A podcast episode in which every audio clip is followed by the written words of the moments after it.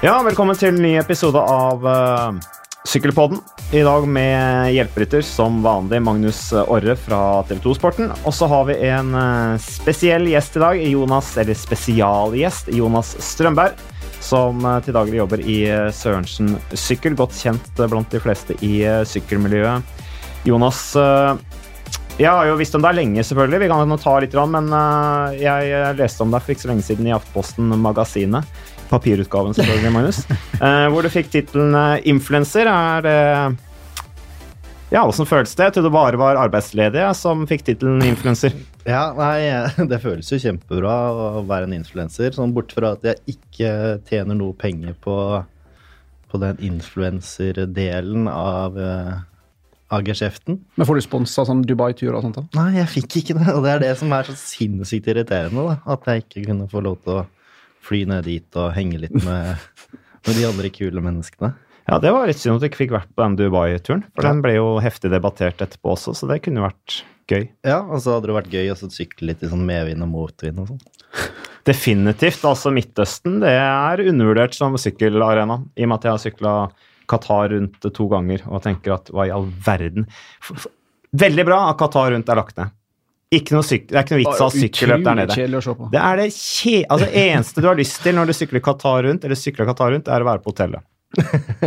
Men uh, Jonas, du har uh, et par ting faktisk til felles med Primos Roglic. Kan du gjette hva, Magnus? Primos Roglic. Får jeg penger for å tippe skihopping? Nei, vi får ikke penger, men det, er, det, var, det var, faktisk det. Det var riktig. Ja, Skikøtte. Ja, så du er tidligere skihopper. Eh, Jonas, hva er det med dere skihoppere og tiltrekning til sykkelsporten? Men ja, Det er et vanskelig spørsmål. Det, det, henger jo ikke sammen annet enn at man er tynn, da. det, der har man jo et utgangspunkt. Ja, spinkel. Spinkel, ja. Eh, men så merker man jo fort Jeg har jo levd eh, hoppkostholdet. Og da holder du kanskje to runder på en bane. Det er jo det nærmeste du kommer sånn. Det var jo én brødskive til frokost og én til lunsj, og så er det hopp i storbakken, liksom. Så det er, det er ikke så mye likheter. Men det er vel kanskje litt den derre å være litt tøff, da. Men ja, hvor god var du, da? Nei, jeg, jeg var vel en sånn brukbar junior junior opp til senior, og så og så blir det mye landslag, og da må du begynne å ta et valg, da. Sånn resten av verden fungerer. Og toppidrettslivet er jo ganske spesielt, og da finner man ut at det er andre ting i livet som betyr noe også. Så det var, så det var sånn eh, Jeg tror jeg har eh, Jeg tror jeg har ble slått av Anders Jacobsen med én plass i junior-NM. Det er innafor. Så det, det, er vel det nærmeste, men da var ingen av oss veldig gode, da. Men, uh, Hvor gammel var, var, du da? For Vi snakker om Audun Brekke Fløtten som slo Magnus Carlsen i sjakk uh, når han var åtte eller ni år gammel. Det er jo på en måte, det, det snakker man om fremdeles, stakkars Audun Brekke Fløtten som uh, syklisten som har sykla i Team Virtu, som uh, det man snakker om, er liksom det sjakk, sjakkpartiet og denne her uh, metaforen med at sykkel er, uh, er som sjakk på to hjul osv. Men, men hvor gammel var du da når du kjempa med Anders Jacobsen? Nei, var, Da var vel jeg 18 og han 17 da, i NM Holmenkollen for noen år siden. Det er mange år siden nå, da. Herregud. Vi begynner å bli gamle. Alle. Men du som er sånn, sånn stil, stilpoliti eller stilmann, var du en Lars Bystøl? Eller var du en Jakob Janda? Nei, det kan, altså væremåte så er jo de ganske like, da. Ja, men, eh, men jeg, kan man si midt imellom, da. For det er jo to ytterpunkter der. Jakob Janda er jo mitt største idrettshelt, bortsett fra Dennis Bergkamp. Ja. Hvis du ikke visste det. Nei, det Ingen visste jeg ikke. Ingen på ski enn Jakob Jan, det? Eh, ja, altså den hadde ikke funka i dagens skihopping, men Nei, eh, resultatet var jo ræva en stund. Men, men, eh, men, han var jo en råtass, han. Ja. Men det er helt riktig, Magnus. Altså Det Jonas og Primoz Roglic har til felles, er at de er tidligere skihoppere. Også en annen ting. De er jo begge elsker uh, sykkel. Har du for øvrig hoppa mot uh, Primoz Roglic? Nei, han er litt for ung. Litt for ung, ja. ja. Så, jeg er nesten like gammel som deg. vet du. Da er du så gammel. Hvor gammel er du da? Nei, jeg er 34. 34? Ja. ja, da er jeg mye eldre enn deg, Jonas, uten at jeg skal nevne noe mer om hvor gammel jeg er. Men eh, jeg husker det var i 2013 Jonas, at du vant en konkurranse på Eurosport hvor premien da var å sykle med Chris Froome, unggutten, og gamlingen Sean Kelly. Ja. Eh, Iren Sean Kelly som eh, har vunnet en haug med sykkelløp, eh, Milano San Remo, Spania rundt bl.a. på slutten av 80-tallet. Dere skulle da sykle opp mot Ventoux. Eh, for øvrig, hvordan gikk det med Sean Kelly når han skulle sykle opp der sammen med dere? Ja, han var litt tøff, da, for han var jo her i Oslo. Eh, da hadde jeg en sykkelbutikk oppe på Torshov. Han var på besøk og blei filma og styra, og jeg skulle pakke sykkel, og de skulle se på forberedelsene, så jeg satt på en 1128-kassett. Eh, og han bare Nei, det trenger du ikke. 1125 er helt innafor. Det skulle han kjøre. Og vi hadde jo standardkranker, og det var eh, Så jeg nei, jeg tar 28. Så vi måtte jo bytte hjul halvveis fordi han ikke kom seg opp. Så, så det var litt sånn deilig å så på en måte leke, han- leke litt med han. Han, han trodde han var ung i beina fremdeles, altså. Ja. Men han er, det, han er spreking, han altså. Det skal sies. Han er jo en godt voksen mann. Og, og jeg gjorde jo ikke noe annet enn å trene på den tida. Og han andre som var med, han, han vant jo Tour de France sammenlagt det samme året. Så det var vel Han var vel liksom litt bak, sånn sett. Men det er ikke alle som har sykla opp Mont Ventoux med Chris Froome. Hadde dere et hyggelig passiar oppover bakkene der? Ja, men han er jo Nå har jeg vært litt sånn heldig å, å kjenne mange av disse proffene. Han er jo ikke den mest karismatiske. Eh, så, så det var jo ikke Du må jo dra orda ut av han. Alt fra Eneste han liksom ville snakke litt grann om, det var trening. Det kunne han liksom gjøre litt. Så vi snakka litt watt og terskelwatt og hva han lå på og litt sånne ting, og det var jo interessant. Ok, Så det likte han å snakke om. Det likte han å snakke om. Og så var det jo at jeg prøvde meg litt grann på å kjøre fra han og sånn. Det syntes han også var litt sånn håpløst, da. Så det Hvordan responderte han på det? Rykka du på han, eller? Ja, jeg rykka på han tre ganger, og på siste så så dro jeg i setet hans og prøvde å sykle forbi den, og da våkna han ordentlig, så da kjørte han fra meg. Da ble han forbanna? Nei, han, han lo, da, men eh, det var liksom sånn det, Nå holder det. Så da, da havna jeg bak. Ja, men det var jo samme år han parkerte eh, Quintana relativt overbevisende oppover Mont Ventoux på en måte som gjorde at enkelte mente han hadde motor i sykkelen, så skulle det jo egentlig bare mangle at, du, at han parkerte deg også, Jonas. Ja, jeg tok det ikke så veldig tungt. Altså. Jeg gjorde ikke det. Så det var, det var veldig fint. Men jeg husker Lars Petter Norhaug sa at um, Froome er så hyggelig at han er hyggeligere enn kona mi. Og vi som jobber med han sånn i media, syns jo han er liksom en sånn fantastisk type å være rundt. For han er jo så danna og høflig og tar seg tid og er veldig sånn 'how are you?' og veldig, ja, veldig snill type, da. Men hvordan er han litt mer sånn på privaten? da? Nei, han var veldig sånn inneslutta. Så var det jo Dette her var jo akkurat den derre Dere husker sikkert den derre tida når um, kona til Chris Froome og kona til eh, Wiggins uh, var oppe og nikka litt. Catfight på Twitter, Ja, ikke sant? Ordentlig Twitter-kamp der. Og det var den uka. Og da var det jo også den samme uka som giroen skulle starte. Og da måtte Dave Bredford fly inn til Monto-intervjuet, da, for å snakke med kona. Så det var sånn spent eh, stemning oppi, oppi fjellveggen der. Ja, det blir For hun kona var jo med, og hun er jo man, var jo manageren til Froome på den tida. Eh, Det var jo det var ikke bra for Team Sky der. Da ble det jo delt klikker rundt Wiggins, klikker rundt Froome. Og å legge seg ut med Wiggins på den tida der tror jeg heller ikke var enkelt for Froome. Så kan det jo være forståelig at han var litt eh, betenkt akkurat da. Men eh, hva syns eh, Chris Froome om eh, stilen din, Jonas? Kommenterte han den? Ja, han eh, kommenterte den. Jeg hadde jo en svær bart og langt hår og masse tatoveringer, så jeg syntes det var veldig rart. Og jeg husker Eurosport var den som var mest bekymra, for dem var jo åssen kan han karen der klare å sykle opp det fjellet med de gutta? Med de tatoveringene og den Ja, det går ikke an, ikke sant. Så um, jeg måtte jo liksom sende inn filer av Strava-greier, og de kom til Oslo for å sjekke meg ut, og det var ikke måte på, sånn jeg måtte overbevise. Så sa jeg dette er ikke noe problem, det fjellet der skal jeg klare helt fint, men det var ikke, var ikke så lett, altså. Litt sånn omvendt av en dopingprøve, på en måte. Sånn der, eh, vanligvis så er det jo på en måte å sjekke at du, ikke, at du ikke sykler for fort, men her var det om å gjøre å sjekke at du sykla fort nok. Ja.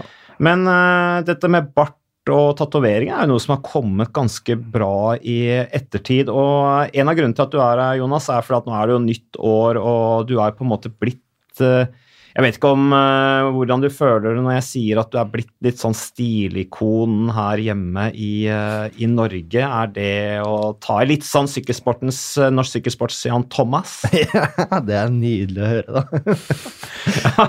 ja, da, da fortsetter vi å kjøre på den. Jan Thomas kunne forresten ikke være her i dag. Vi har jo vår faste spalte, da, Motepolitiet, hvor vi tenkte vi skulle kaste litt terninger, leke oss litt med det. Magnus, du, du liker jo å kaste terninger. Du kommer jo, vi kommer jo fra en tabloid verden i TV 2-sporten. Eh, så terningkast er fint. Er det noen eh, Er det en drakt dere gir terningkast seks i eh, årets sesong, nå som vi har nye drakter? Absolutt ingen. Nei. Vet ikke hva du tenker, Jonas? Nei, altså, Det spørs jo hva dere har kasta før på Team Sky, da. Men jeg syns jo Team Sky sin drakt i år er den fineste de har hatt. Det er sant, den er Så, fin. så hvis de har hatt en femmer før, så bør de få en sekser i år. Ja, men da gir vi en eh, sekser der, og i og med at det kommer eh, fra deg, eh, Jonas, så har jo det veldig kred. Jeg syns jo for øvrig, når vi er inne på det, hvis jeg skal velge én drakt jeg syns er fin, så er det Movistar. Helt enig. Ja, Ingen over, ingen ved siden. Klassisk. Fin, blå, behagelig farve. Men jeg mener jo at 2019 er jo et sånn uh, bekmørkt år for sykkeldrakter. Ja, men jeg mener at det, det er så katastrofe. Altså, siden, jeg kan ikke huske sist vi hadde en fin herredrakt. Det må ha vært Cervelo. Sånn 2009-2010. Den hvite eller den svarte? Begge to, egentlig, men hvite var finest. Og så hadde du liksom før du hadde liksom uh, La Vie Claire og Peugeot, litt sånn stilrene drakter. da. Og nå har du liksom Astana og Jumbo Visma hva heter det?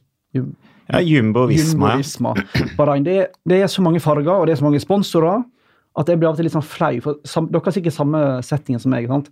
I mange år så har jeg prøvd måte, å overtale venner og kjærester og familie. sånn, ja, dere må komme og se på sykkel, for det er dritkult og dritspennende. sant? Og så skjer det jo ingenting, så det er jo ikke veldig spennende. Og så er draktene helt nitriste, da. Så jeg, eh, jeg er skuffa, men jeg vil si jeg er helt enig. Movistar kommer fra landet til Balenciaga og Bershka og spansk. Altså det, er jo, det er jo stil. Og det er altså én farge, clean, helt innafor. Terningkast fem, Sky terningkast fem. Og så gir vi god terningkast én til Astana og CCC og EF Education First, som enkelt vil gi terningkast seks. Jeg føler et godt forsøk, men skivbom. Hva skulle du tenke, Jonas.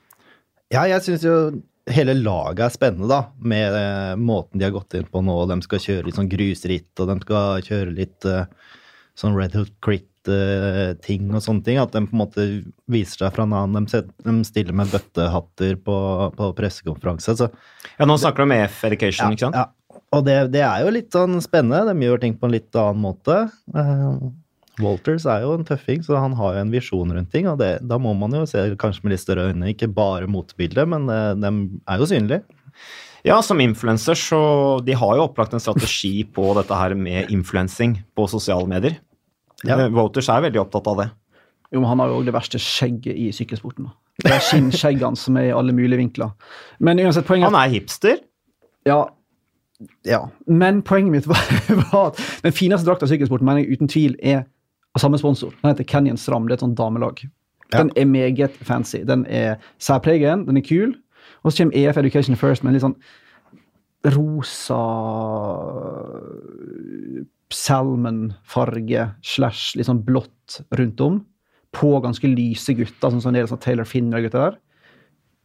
Nei, jeg syns ikke den er så veldig fin. Jeg ser at flere liker EF Education-drakta og syns den er fin, men Movistar, ingen over, ingen ved, ved siden. Hva med AG2R, da? Nei, jeg Ja, syns, de er jo klassiske. Den har vært lik ja. i alle år. Rene linjer, for så vidt. Jeg liker den brune buksa med det blå. Det liker jeg. Jeg å si brun funker bare ikke, altså. På sykkel. Det er greit når det er mye søle, da. Og eventuelt hvis du bæsjer på deg, så Men eh, nei, jeg syns den er terningkast to. terningkast to, ja. Den er veldig motebilde. Hæ? Veldig moteriktig om dagen, med sånn jordfarger og Mm. Hvorfor det? Er det det økologiske? Er ja. Sikkert. Det er jo litt sånn moten har vært da de siste åra. Hmm. Ja, vi må høre på det, Magnus. Du, Magnus, har Ja, jo ja, for døvig ikke ikke, noe kred overhodet. Altså, du ble jo kastet ut av Sykkelpod-redaksjonen en periode fordi at du kom med påstanden at du likte korte sokker best. Yes. Eh, Jeg håper, du har tatt et, altså jeg håper du har tatt den straffen du, du fikk til etterretning, og skammet deg, og nå innrømmer at det var feil. Du, jeg står eh, knallhardt på at lange sokker er stygt. Ankelsokker fint. Ja, det er Eller mindre stygt, da, for å si det sånn. Vi måtte jo klippe ut en del av det min far Ridde Gagestad sa på forrige pod, for det var rett og slett for ekstremt for, eh, for publikum. Jeg lurer på om vi nesten må klippe litt her nå, så vi går rett over på Ja, men ny voksne mannfolk med sokker opp til midt på leggen. Altså, Jeg vet du er veldig glad i det, så jeg fornærmer jo litt både deg, Jonas, og sikkert alle som hører på. Men det ser, se- se- ser det, Mener du oppriktig at det ser bra ut? Ja. Det er en, det er en kutyme, altså det er en måte å, å gjøre seg klar på. Det er jo Altså, du, du sitter jo liksom med, med en kjæreste som løper uten sokker. Ja, Det er derfor jeg Det, altså det, det, er, det er en annen sport, ikke sant? Der skal Ja. man ikke ha høye sokker. Hva er det med den lave sokkefetisjen, Magnus? Jeg syns det er mer femi. Det er mye tøffere å se på bedre. Altså Hvis du ser på Wimbledon da, i tennis, det er jo dødsfett å se liksom gutta spille med høye, hvite sokker, alt hvitt. Det er jo dødskult. Det er jo riktig. Det er jo sånn det alltid har vært. Jo, men tennis er jo litt mer sånn machosport. Du har store biceps, du har folk som ser bra ut. I sykkel, i alle fall i World Tour, ser, ser jo ikke folk spesielt bra ut. for Nå syns jeg du er veldig negativ til sykkel. Så har du en tung dag i dag, Ja, Magnus. jeg har nok en tung dag i januar. Jeg blir 30 om to dager, så jeg ser litt mørkt på livet akkurat nå. Men tynne folk uten solfarge, stygge sykkeldrakter, og så i tillegg ta på seg sånne halvlange sokker som ikke engang pappa kunne gått med på en dårlig dag. Da mener jeg at vi bomma. Og det står jeg på til den dagen jeg dør. Ok, Du er jo sta, Magnus, så du skal, få, du skal få si det du sier nå. helt greit. Men eh, Jonas, du som driver uh, sykkelbutikk Sørensen eh, sykler, hvordan ser uh, moteåret ut for uh, sykkelfolket? Er det noen nye ting som kommer?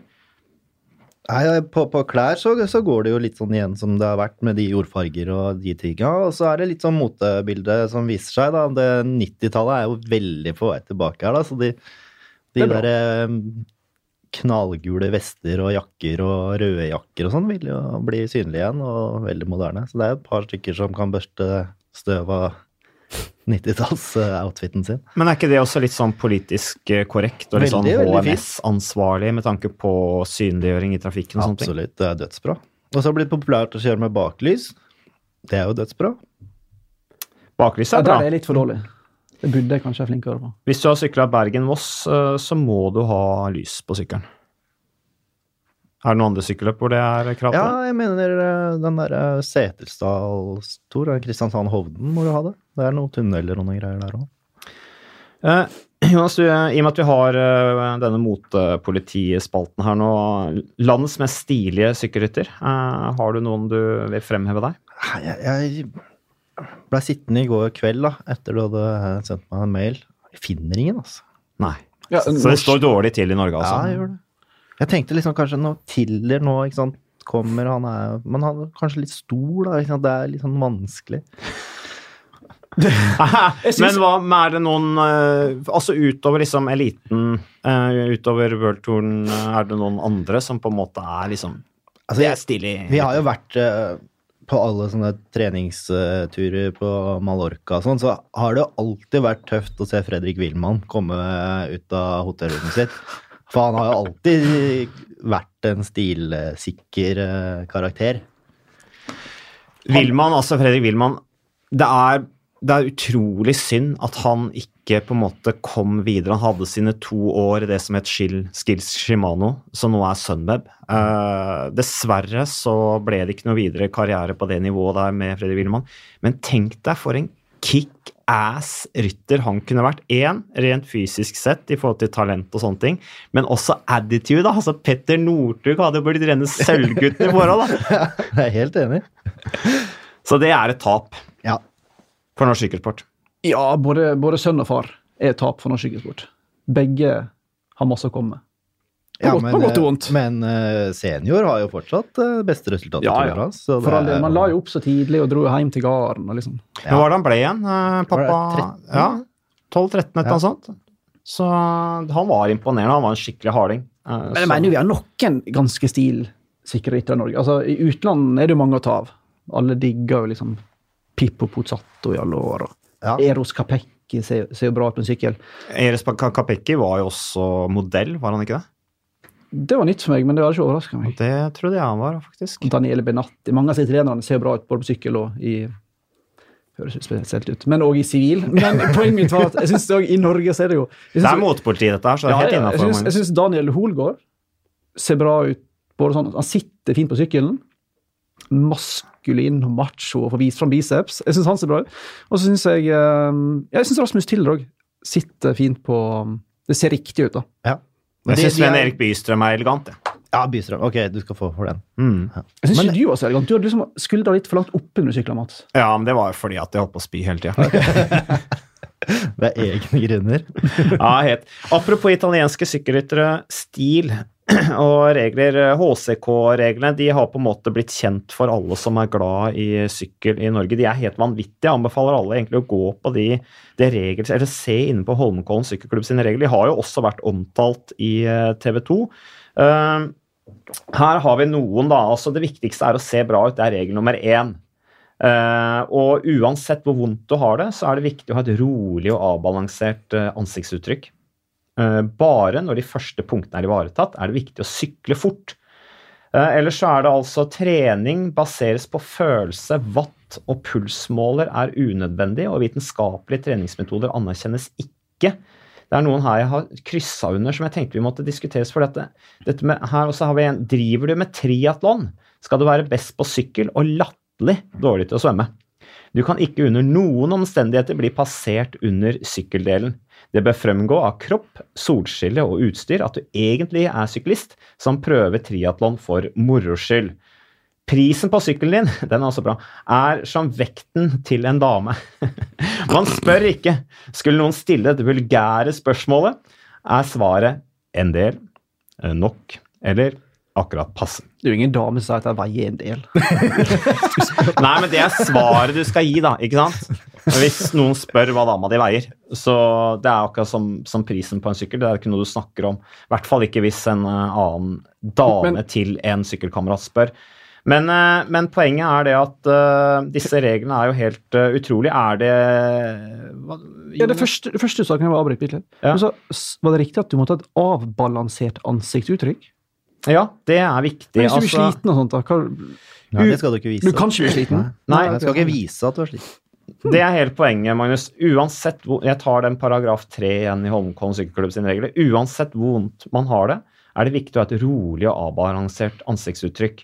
Men så var jeg også inne på her, og så så jeg litt på kritisk blikk da, med disse reglene, som jo er helt uh, utrolig morsomme. Alt skal være rosa osv. Uh, Maru Cipollini er den store guden. Men så står det her altså ritt, under rittregler, paragraf 1F, så står det Eh, dette her med, I forhold til klubbens stil på sykkelritt, så står det at du skal ha gjennomsiktig regnjakke. Er ikke det veldig 1990? Jo, Men nå kommer det tilbake, da. Men ja. det, ja, det er jo det. det er jo, men det, de har kanskje brukt alle pengene sine på sykkelen, sånn at de ikke har lov til å lage en regnjakke i klubbens farger. Men hvor mange, Ja. hvor mange som er medlem her? Det Jeg veit ikke hvor mange medlemmer Holmenkollen sykkelklubb har, men uh, det er stadig rosa syklister ute på veien om sommeren, ser jeg, så det begynner å bli en del av det.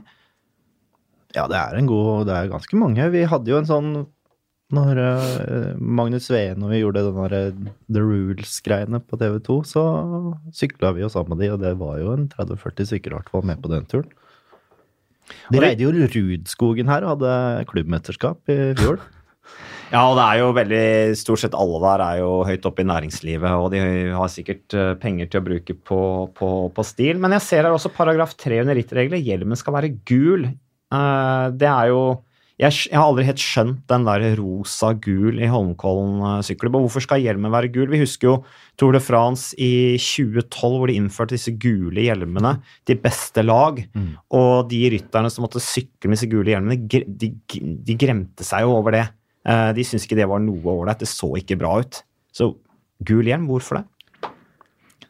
Nei, jeg, jeg skjønner ikke heller. Og de har jo en sånn neongule hjelmer til det derre pastellrosa Kitty. Jeg har ikke helt skjønt hvorfor. Og, men de har vel lagd noen klubbregler fra gammelt av, da.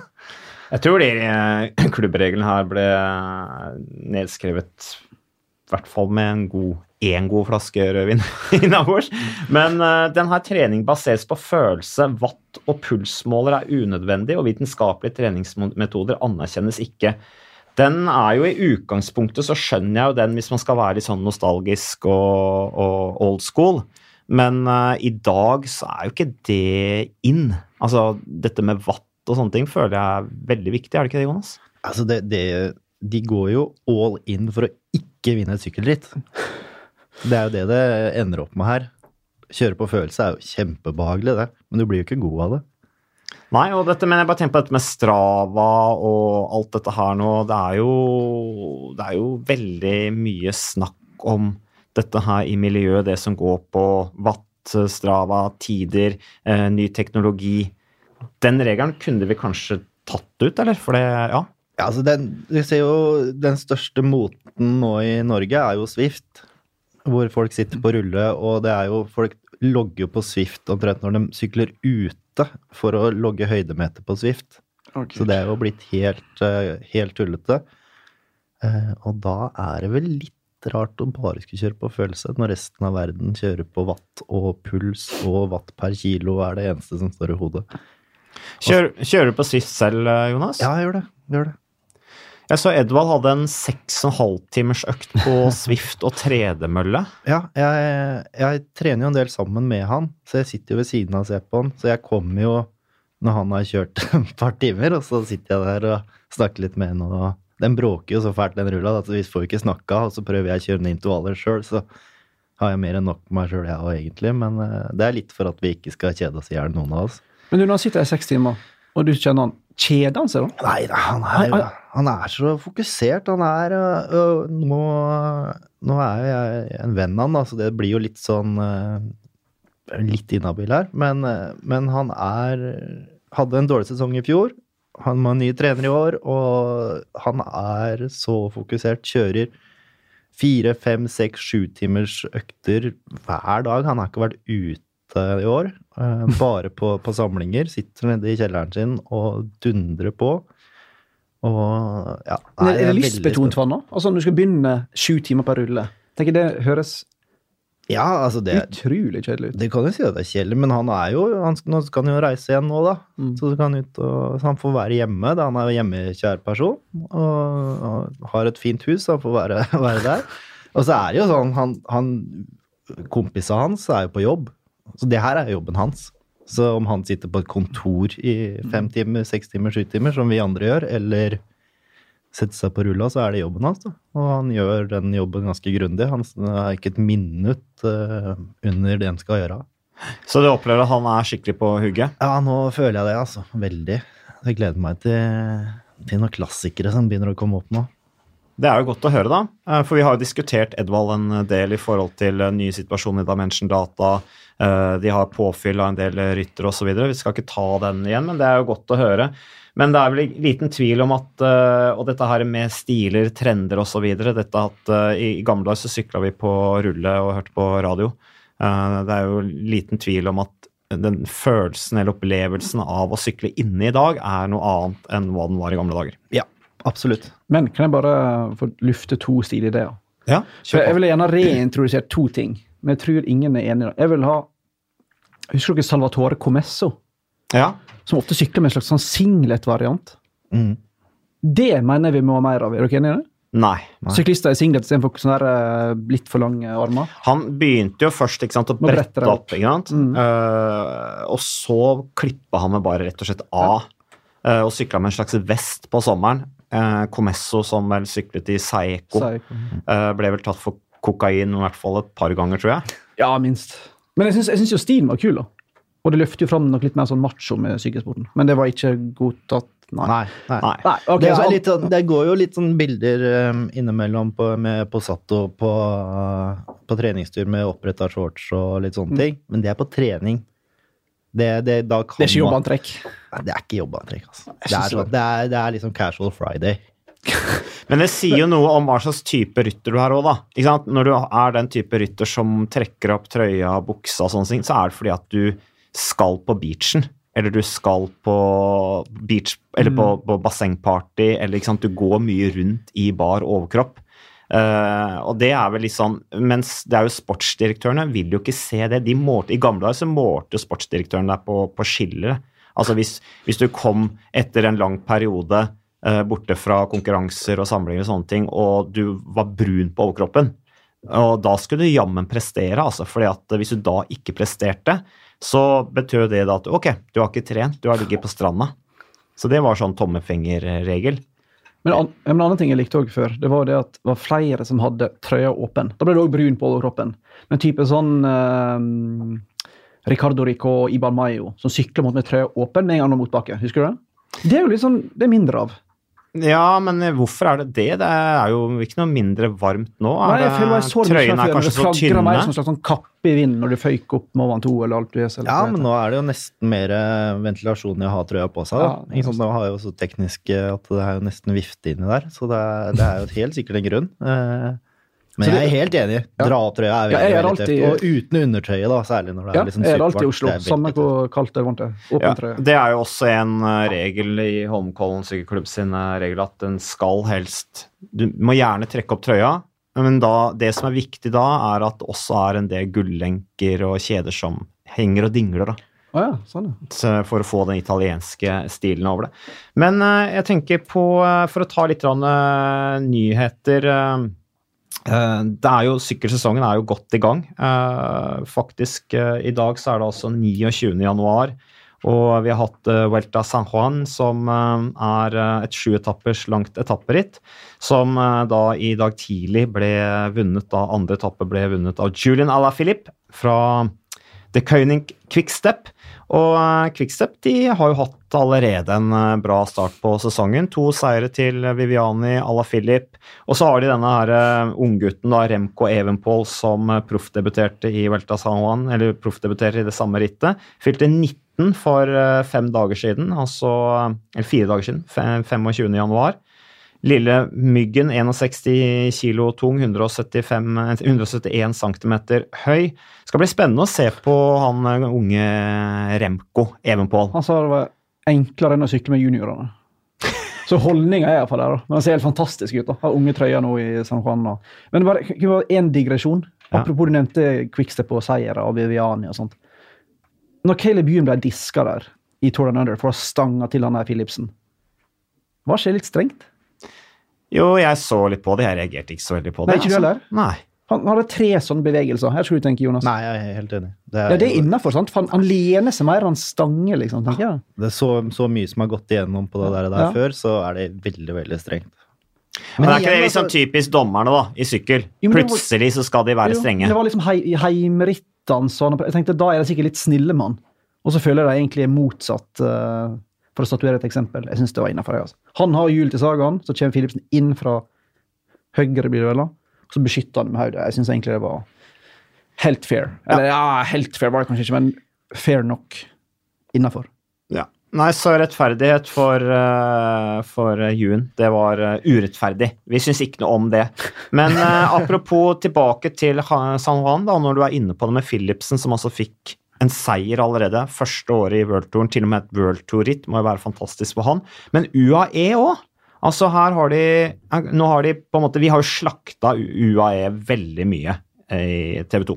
Ja, Kost, kost oss med det. Ja, håpløst lag. Ja. Kjøp lag. Ja, Terningkaster én har bare florert. Og så, og så vinner altså Philipsen World Tour-etapperitt, eller altså en etappe i et World Tour-ritt i Australia, og så følger jammen Gaviria opp med å vinne første etappe i San Juan. Da må Kristoff levere når han starter på Mallorca. Når, Det- be, når begge de to andre spurterne allerede er godt i gang.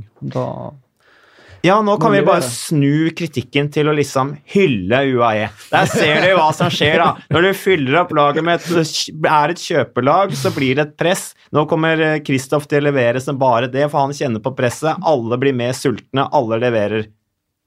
Eksakt. Ja, Så alle våre spådommer har kommet til skamme er allerede. Og vi er i januar. Men Christer får ikke kjørt ennå, da. Bare.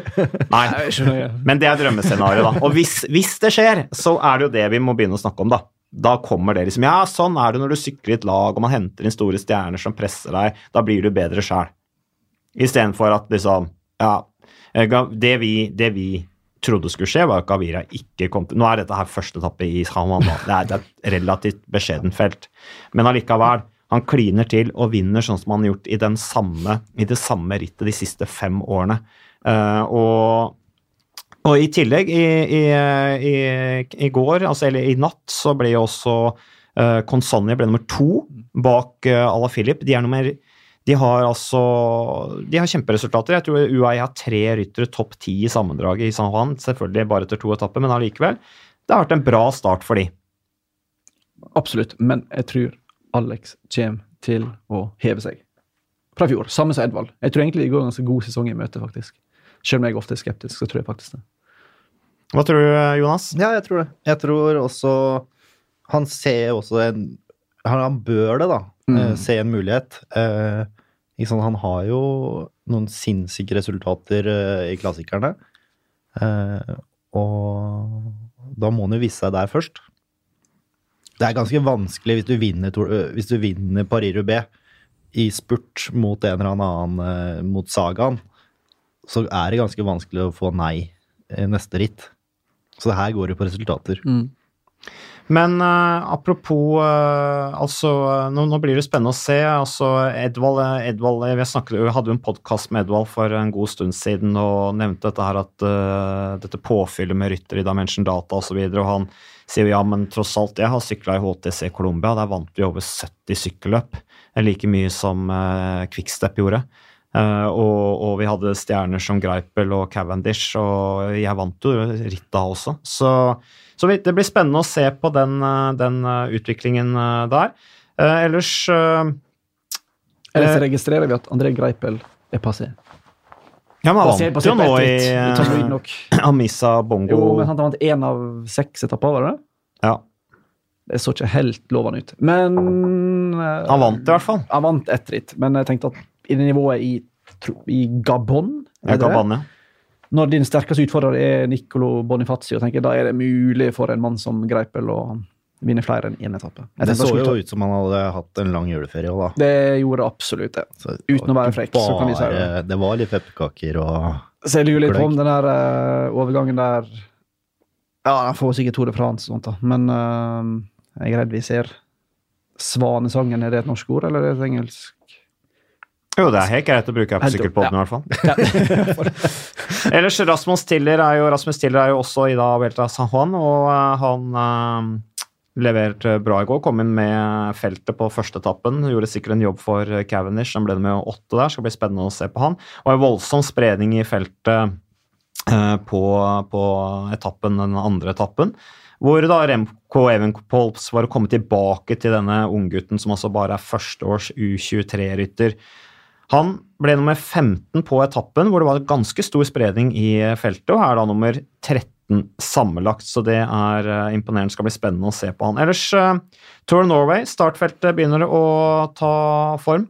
Det går altså fra 28. mai til 2. juni da fra Vestlandet.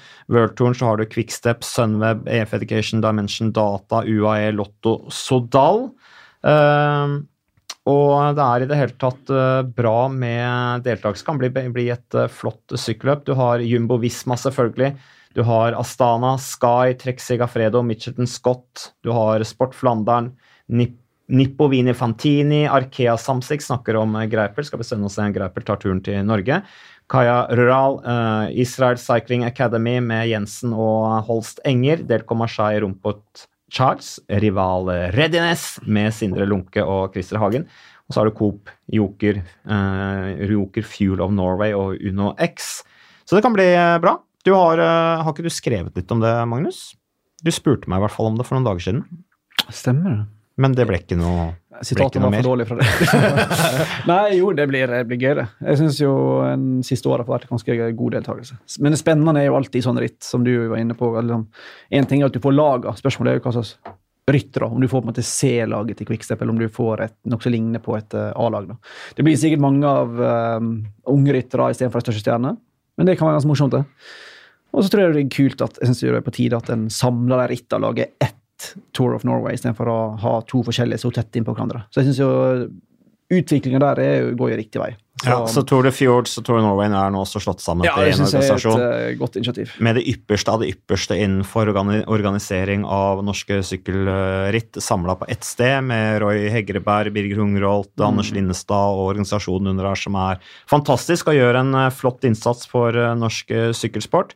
Men eh, det er som du sier, eh, Magnus, at uh, man veit jo ikke hvilke ryttere som kommer, men er ikke det veldig sånn naivt, da? Det har jo vært sånn diskusjoner sant, med Arctic Race om å gjøre det så hardt at du får liksom sånn mini-Tour de France, må få Chris Room altså, Glem det, sier jeg.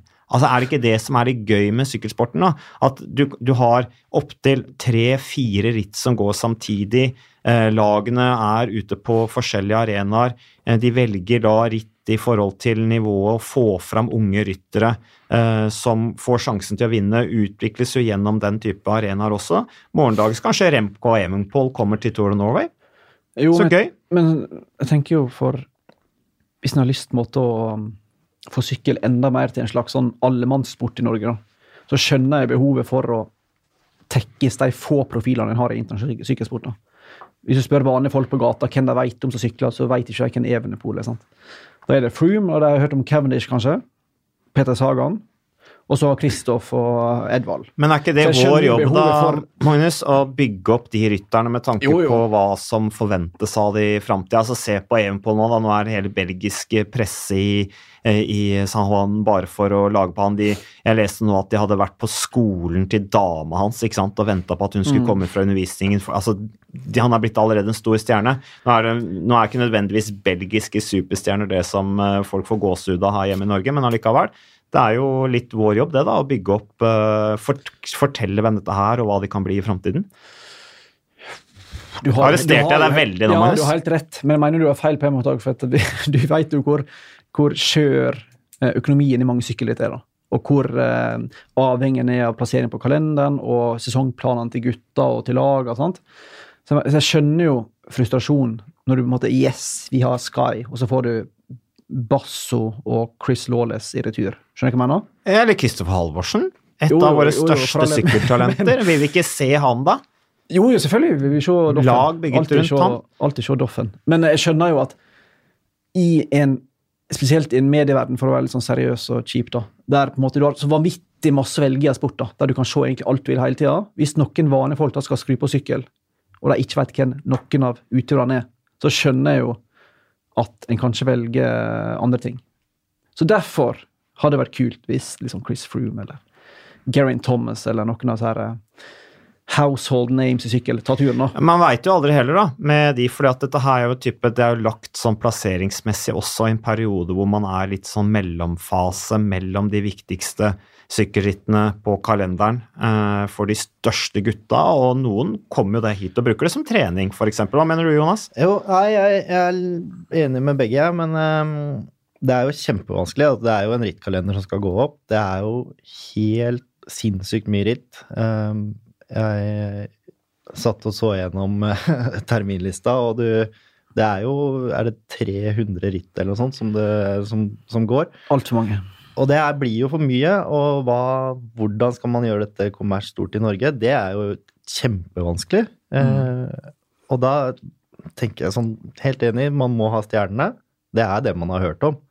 Det er sånn, Folk kommer jo og ser på NM i langrenn fordi at Petter Northug kommer. De kommer jo ikke for å se også kanskje en lokal helt. Det er jo sånn det er. Sånn har sport alltid vært. Du kommer for heltene. Sport er, handler om uh, forbilder. Så det er ganske vanskelig å på en måte Selv om du har Sky, så er det ikke Det er kult med bussen, men det er jo ikke, du ser jo ikke den på TV. Det ser du som tilskuer. Nei, men du har jo sirkuset som kommer rullende, ikke sant? Ja, Man men det er ingen som ser det på TV. det. Nei, altså, det det, du ser liksom eh, Hvis du ser et helikopterfoto fra TV 2 på, på Tour of Norway, så får du ikke vann i munnen, ikke sant? Ja, men det er jo flott natur. Ja, men, men det ser vi jo på Vi kan jo se Lokale liksom områder vi Må kjenner. på Vestlandet. Og så kan det jo være strekk i feltet, det kan være sidevind. Det er jo rytterne ja, som skaper sikkerhet. du trenger ikke å snakke til oss. Det, vi, Nei, altså, er, vi- vi, vi er sitter jo og ser det. Nei, nå føler jeg at jeg, nå går jeg veldig forsvar her. Nå syns jeg vi skal avslutte. Det syns jeg ikke var noe hyggelig. Men det, som, det jeg mener da, er jo det som EF Education First gjør nå, er litt spennende. Altså, de tar og gjør litt andre ting. Eh, jeg mener jeg mener det som Tour de France kanskje har prøvd på, med liksom å lage kjempekorte etapper for å gjøre det kjempespennende, det har, jeg, det har ikke så mye med sykkel å gjøre. Tour de France skal være Tour de France. Det, det sitter folk og ser på uansett. De beste er der. Du trenger ikke å lage, lage det mer spektakulært enn det det er, for det er helt rått. Kjempetøft med Giro når de kjørte den der eh, grusetappen og Froome går. Veldig, veldig kult. Men at man kan gjøre litt andre ting. At man kan bruke laga liksom litt, litt breiere enn hva det akkurat er akkurat der og da. Og det, det syns jeg er spennende. Og det er litt sånn vi ser med langrenn med langløp, og vi ser liksom Mm. sprint, og man, man Jeg opp litt. jeg ser jo lang, langløp utrolig kjedelig. Ja, men det er jo Jeg så litt på Marcelonga. Jeg kom i fare for å se på Marcelonga på søndager. Det er stake, og så går det stort sett rett fram. Og så skjer det noe på siste 200 meterne. Det er jo altså et hvert sykkelløp, egentlig. da. Men det er langløpgreiene Huff. Det er bra det går tidlig på morgenen, for da slipper jeg å se på. Dattera mi gadd heller ikke å se på det. Hun er åtte år gammel og skrudd opp på kombinert. Jeg er kretsmester i kombinert. Men apropos to Ja, det tipper jeg du er, for du er god utdannelsesutøver og i tillegg god til å hoppe. Så da har du gode forutsetninger for å bli god i kombinert, eh, Jonas. Hvilke år var det, forresten? Nei, det er lenge siden, altså. Men uh, en helt annen ting. Procycling melder i, i går at uh, Tobias Foss har vært på enda en samling med Jumbo Visma. Det, det er lovende. Ja, Andreas Leknessund ble invitert, men eh, takket nei. Vi vet ikke hvorfor, av en eller annen eh, årsak. Det var praktiske årsaker, helt sikkert. Men eh, spennende, det. Det Ja. går og, og Tobias Foss sier altså at ja, han oppfatter det som det beste Hvis han skulle valgt et lag, så ville han valgt akkurat det laget. De har norsk sponsor, eller delsponsor, og det er i det hele tatt en spennende utvikling. Hva tror vi om det, karer? Jeg syns det er veldig, veldig kult at de velger et sånt type lag også, som, som noe han har lyst til å gå til. For det er veldig ekte. Eh, De har alltid vært der, de har kjørt de der fæle gule draktene sine, og de, de syns, og de er De er liksom det litt fra den derre old school sykkelsporten, da, sånn som vi kanskje kjenner den best. Ikke bare treningsregimet til Sky og alt det rundt der. Det er liksom det gamle, gode.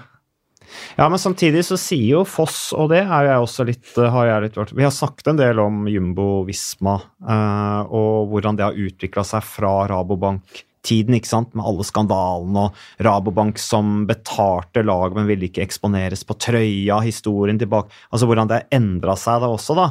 Eh, og også Tobias Foss sier at her er det, det er mye mer de jobber mye mer systematisk med detaljer og fysiologi og proft, uttaler da Tobias Foss i procycling.no. Uh, og, og sånn sett så har vel de og, og det ligner jo litt også på tankegangen til UnoX Development Team, som også jobber veldig mye med dette med utvikling og de tingene der. Så kan det bli liksom eh, plattformen nå, uh, via Jumbo Visma, inn i worldtouren for norske ryttere. Ja, så jeg vil bare legge til at det er under Tobias Foss, alt godt. Maken til sympatisk fyr. ja, kjempetype. Sitter fint på sykkelen òg, Ja, han er ganske stilren. Ja, det vil jeg si. Sliter litt med, sleit litt med motivasjonen, faktisk. Eh, Mm. Hva er det med disse Lillehammer Du kjenner miljøet godt. Hva er det med disse Lillehammer-gutta som sliter med motivasjonen? Har det for godt der oppe, vet du. Ja, Er det det, eller jobber de for hardt i for ung alder, og, og det blir for mye for tidlig? Nei, nei, det tror jeg ikke. Jeg tror det er helt riktig. Altså, det er et Lillehammer eh, mener jeg er kanskje det beste utgangspunktet for trening i Norge. Du har uh, likesinna folk rundt deg i alle typer idretter, og folk presterer fra ung alder, så det er dødsbra. Men, eh, men det er vel kanskje den derre at man blir kanskje litt satt der oppe, da. At man liksom ikke tør, eller at man ikke tar sjansen, eller at man er, tenker litt sånn Jeg mener jo at man må jo opp og nikke med så fort man har muligheten. Ja, Hva tenker du på? Altså komme seg ut, eller? Ja, komme seg ut. altså det Hospitere litt. Um, bruke nettverket sitt, da, for det er jo det er et kjempestort nettverk der oppe. At man kan komme seg ut tidligere. og det er jo sånn som det er en 19-åring som driver og vinner World Tour-ritt nå. Det må ikke være 25 før man skal dra utafor land, landegrensa. Nei, samtidig som du har Vi hadde en podkast med UnoX-ledelsen hvor de sa at ja, at de mente at rytt, norske ryttere vil for tidlig ut. eh, og at de burde kanskje være noen år hjemme og, og bli litt tryggere og bli litt sterkere både fysisk og mentalt før de tar det steget ut i den ville verden. Men har ikke det noe med hvordan World Tour-rittene, de utenlandske eh, lagene, er bygd opp på? At kanskje dette her at det kommer nå mer inten, altså internasjonalt internasjonale storelag som har en litt mer sånn internasjonal tilnærming til hvordan de driver på, og kanskje gjør at det blir litt mer levelig da, for ryttere som kommer fra utlandet, som jo Norge er, og inn i disse lagene, istedenfor at det er sånn helspansk, helitaliensk kultur, sånn som det var litt mer i gamle dager, hvor, ikke, hvis ikke du adopterte deg til det, så var du ferdig. Jeg vet ikke hva dere tenker. Jo, jeg, jeg, tror, jeg tror det er en, en fordel, eh, men også at man, man må kjenne på nivået, da. Norgescup er ikke nivået man skal eh, leke seg på. Man må komme seg ut, og hvis laget ikke drar ut, så må jo rytterne dra ut. Se på cyclocross i Norge er jo flaut, ikke sant. Det er jo Stiller du på start, så har du tatt igjen med en runde etter, etter én runde, liksom. Så det, det, er, det er litt det derre å, å se, på, se, på, hva som skjer i utlandet. Eh, kjenne på nivået, kjøre gateritt i Belgia er jo liksom Det er å være litt, litt oppe, og det Der er jo Uno X oppe nå. Syns jeg er veldig, veldig spennende. Det blir spennende å se på det. Også Tobias Foss på utviklingen hans. Han er jo sammen med Andreas Leknesund kanskje et av de største eller mest spennende talentene vi har i Norge også, med tanke på kapasiteten han har eh, hva gjelder etapper. Du skulle si noe mer, Magnus? En liten digresjon. Ja. Eh, Din andre Min digresjon i veldig dag. mange digresjoner i dag. Men du nevnte i stad Tour de France og kortere etapper og sånt.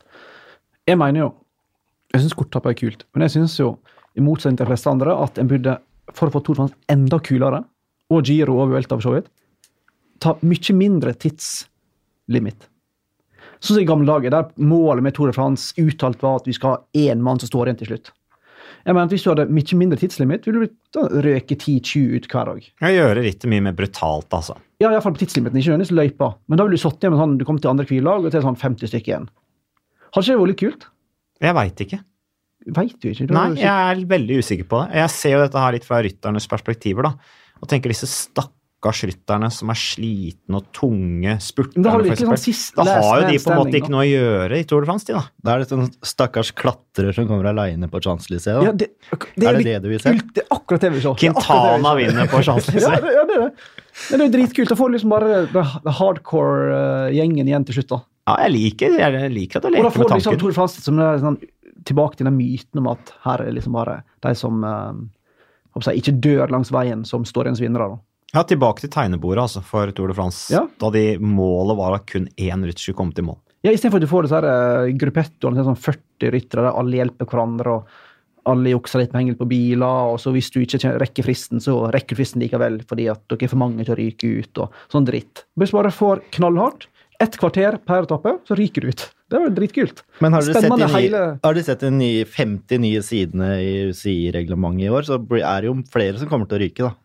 Det er jo blitt så strengt med Du får jo ikke lov til å ha mekk ut av bil, du får ikke lov til å henge på bil, du får ikke lov til noen ting. Så hvis du har punktert noe, så er du egentlig ferdig. Patrick Bevin eh, hadde en dårlig start på året, altså sånn sett. Så Ja, han, ble altså, jo Sorry, Mac. Altså, det var sikkert vondt å krasje, sånn, men han måtte bli disk, eller iallfall få tidsstraff. Er du ikke enig? Jo, for der hang jo mekanikeren veldig over bilen for å få han opp disse siste kilometerne. jeg tenker jo på det, liksom, for de som ikke følger Sony med. Altså, han leder Tour Under, så krasjer han med 10 km igjen, og så kom han mirakuløst vis inn med hovedfeltet, fordi han hang på bilene sånn fem centimeter fra, helt opp til jeg, eh, Men da var det jo liksom alle dommerne så en annen vei, ikke sant? for de syns synd ja, på Patrick Patrick men det, det holder liksom ikke, da. Nei, jeg er helt enig. Det blir jo det der konsekvente. Men eh, vi har holdt på en stund nå, Kari, og du var inne på, Jonas, dette her med sykkelcross. Eh, at du syns det var flaut eh, at eh, vi norske ikke gjør det bedre i sykkelcross. Og jeg har jo kommentert sykkelcross. Vi sender jo alle sykkelcross-worldcupene på TV 2, og vi skal jo sende VM i sykkelcross nå til helga. Det blir kjempegøy, for sykkelcross er kult. Men uh, som jeg har sagt en del, altså hvis dere syns at Norge har en kjedelig dominans i langrenn, så for guds skyld ikke skru på sykkelcross.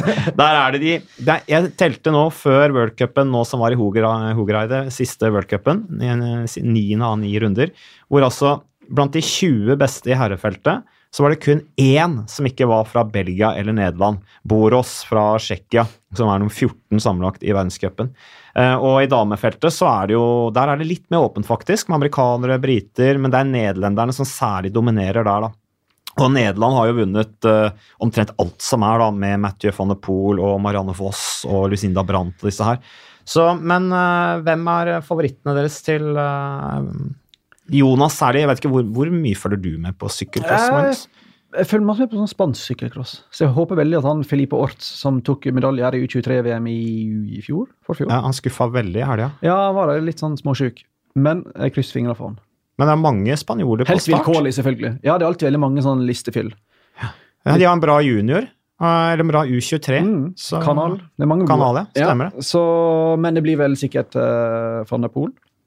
Og eh, jeg tror ikke Marianne Foss Ja. vinner. Hun har fått litt sånn her, Til å ha hatt tolv VM-trøyer totalt i karrieren sin, har hun fått nesten litt sånn mm, Ironisk nok en slags sånn her eh, eh, Hva skal jeg si Forbannelse. Blir stort sett nummer to, føler jeg. Nei, han har jo åtte eller sju VM-seier Det i sykkelklasse. og så har hun vel to på landeveien og tre på bane. eller noe sånt. Men hun har blitt nummer to nesten like mange ganger. da. Ja, Så- også, men første gang så vinner hun verdenscupen sammenlagt i sykkelcross i år, da. Marianne Foss. Så... Mm. Men Lucinda Brandt så veldig bra ut. Sanne Kant henger med hodet, verdensmesteren eh, fra i fjor. Eh, men eh, Jonas, Mathieu van der Poel, for å snakke om han. Du har Walt van Ert, du har Mathieu van der Poel, og så har du Ton Ert disse særlig, og så har du Michael van Toren. De er kanskje de fire beste. Men det er jo liksom Alle snakker om uh, Mathieu van der Poel og, og Walt van Ert. Eh, og, Matthew, eh, og, eh, og Matthew van der Poel har jo sesong på sesong sett best ut hele veien, dominert fullstendig. Og så kommer han til VM, og så blir han slått. Sånn som i fjor i Falkenberg, eksempel, hvor han skjønte at han ble slått av Wout van Aert, som, Wout van Aert, som stort sett hadde ikke vunnet veldig mye, han i fjor. Blitt slått igjen og igjen og igjen, fått bank av van der Poel. Og så skjønte Mathieu van der Poel at han kom til å bli sykla fra, bare kollapsa fullstendig i denne tøffe VM-løypa i Falkenberg, som bare var søl og fantastisk sykkelløp, egentlig. Er- Hva skjer det igjen i år? I Han er jo sånn i sykkelcrossen sin Han er mannen i den. ja. Så drar han kombinert profil, husker du? Han vant alt absolutt hele tida. Kom til VM, OL, dass. Ja. Ja, nei, det er sant. Men jeg håper jo veldig, etter den sesongen han har hatt, så er det jo så fortjent. Nå hadde han jo stang ut i fjor, han har hatt det to år. Og, har ikke vunnet VM siden 2015. Nei. Da han var han 20 år, yngste vinneren av et sykkelcross-VM noensinne. Eh, det var altså i Tsjekkia han vant det VM-et. Så, men ja. Så, så, jeg, så jeg mener van de Poel um, uten tvil eh, er jo Jeg heier på han, og jeg håper han vinner. Og det er veldig, veldig fortjent hvis han vinner. Og så er det jo veldig spennende med den løypa. Da. Nå er det minusgrader, det er eh, litt snø, det er langs sjøen der, det er vind. Det er knallhardt. Eh, De kjører jo da ett til slutt, så den løypa kommer jo til å se helt jævlig ut. Eh, Så nei, det gleder vi oss til. Burde ikke du vært i Danmark, Jonas, og heiet du som er litt Jo. Du har litt hjerte for sykkelcross, har du ikke det? Jo, veldig, veldig. Men nå er det sånn at eh, tre stykker på jobben har bestilt tur. Og da er det bare én igjen som kan stå på gulvet, og det er meg, så jeg må jobbe lørdag. Ja, Men hvorfor deg, liksom? Hæ? Nei, si det. Si det. Hvorfor? Sånn er det bare. Why? Jeg syns det. Jeg sitter der. Nå får jeg, nå får jeg tårer i øynene. Ja. Bittert, altså. Ja det er Nei. nesten mer bittert enn at om Matthew Van de Poel blir nummer to. Ja, det er søknaden lagt inn. Ja, du burde vært i Bogens. Herregud, Bogens eh, Altså, det er rett over eh, fjorden her, og ja, det, der burde du vært, Jonas. Ja, jeg er helt enig. Men vi skal jo sende VM sykkelcross. Så Det jeg skal høre på deg, da. Ja, du kunne kanskje vært eh, sidekommentator. Ja, kanskje det. Du har lagt inn en søknad nå. Magnus, hva skal du bedrive med i helga? Du, eh, jeg blir 30 på torsdag. Så skal vi feire torsdag, og så fredag. Lørdag, søndag og tirsdag. Mye familieselskap og sånn, eller? Ja, et par av dem, men ellers er det litt sånn mest venner og sånt. Så jeg er jo ikke nok tilhenger av å bli eldre. Det Nei. tungt. Jeg er ikke tilhenger av fest, men det ble et slags sånn tvang. Mm. Og så, ja. Det blir Så en tung helg, altså. Så da skal jeg se fotball, og så skal vi feire. Arsenal. Yes. Mm. Snikt med United, forresten? Nei, det er tunge dager, det er tunge dager, så vi får håpe på um, Det meste går nedover, som jeg pleier å si.